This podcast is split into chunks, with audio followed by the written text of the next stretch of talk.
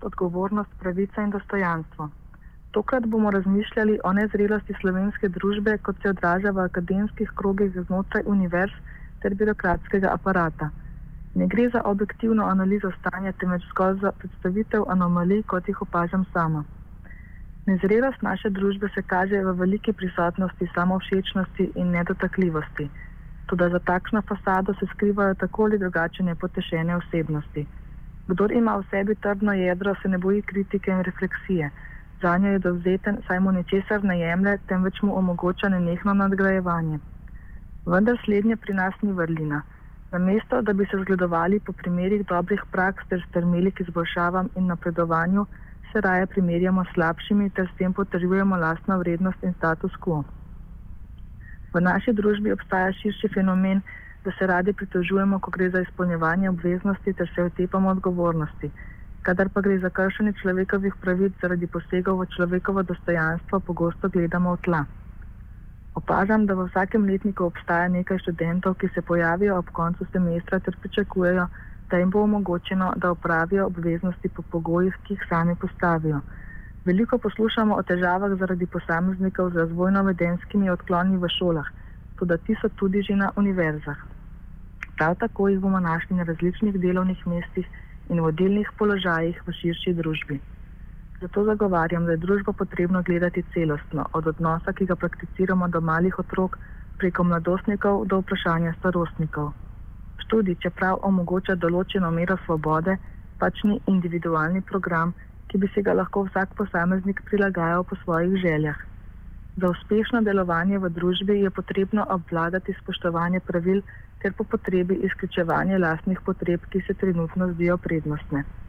Študent naj bi se znal zabavati, zavedati pa bi se moral tudi, da se je z opisom na študij zavezal določenim obveznostim in odgovornostim, ki ne morejo biti podvržene pogajanju. Če se dotaknem še druge strani, odnos med zaposlenimi na fakultetah deluje po strogi hierarhiji. Na vrhu piramide je kasta nedotakljivih, na njenem dnu mlajši sodelavci in predvsem sodelavke. Predavatelji, ki veliko vedo povedati o raznih izmih, v osebnem življenju pogosto ne delujejo v skladu s tem, kar predavajo. Osebne nesporazume naj bi profesori razreševali v svojih kabinetih ali ob jutranji kavici in ne preko nič hudega slatečih študentov na javnih predstavitvah dispozicije doktorske disertacije ali celo zagovora disertacije same.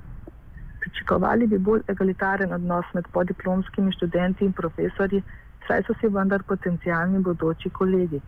Ponekod s pridem uporabljajo spoznanje, da več glav več ve.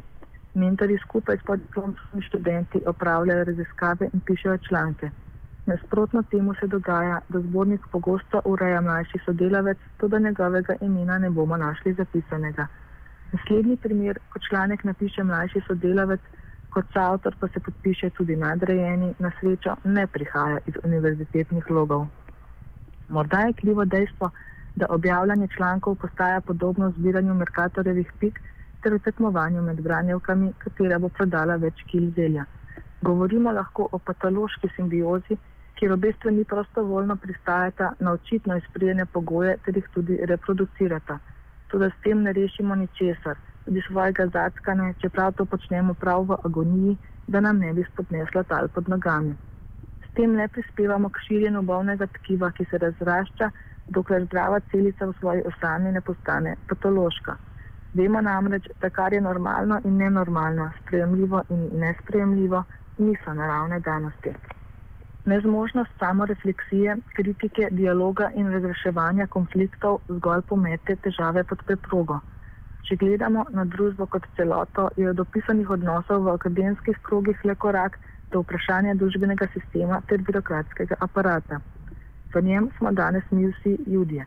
Če želimo podati predlog za izboljšavi, opozoriti na nepravilnosti ali podati pritožbo zopr krivico, ki nam je bila storjena zaradi sistemske napake ali uporabnikom neprijaznih in neživljenskih birokratskih zahtev, se nimamo na nikogar obrniti. Nihče ni nič kriv, nihče je odgovoren, nič se ne da storiti. Vsakdo le opravlja svoje delo in se sklicuje na nadrejene. V zreli družbi bi se nam opravičili in zahvalili, da smo jih opozorili na napako odpravili bi jo v dobro vseh, saj sistem deluje za ljudi. Pri nas pa moramo ljudje delovati za sistem, ki se hrani z našim dostojanstvom. Tudi zavedati se moramo, da bo, ko se bomo zbudili v Avšvicu, že prepozno. Zato ne sprejemam več gledanja v tla, simojevanja z glavo, češ tega pa že ne bomo poslušali, me ne zanima, to ni v moji pristojnosti ali za to nisem odgovoren. Vsak človek ima svojo voljo in možnost odločanja, svojim nadrejenim slepo sledijo le razčlovečeni sužni. Komentar sem pripravila Barbara Turk-Niskač.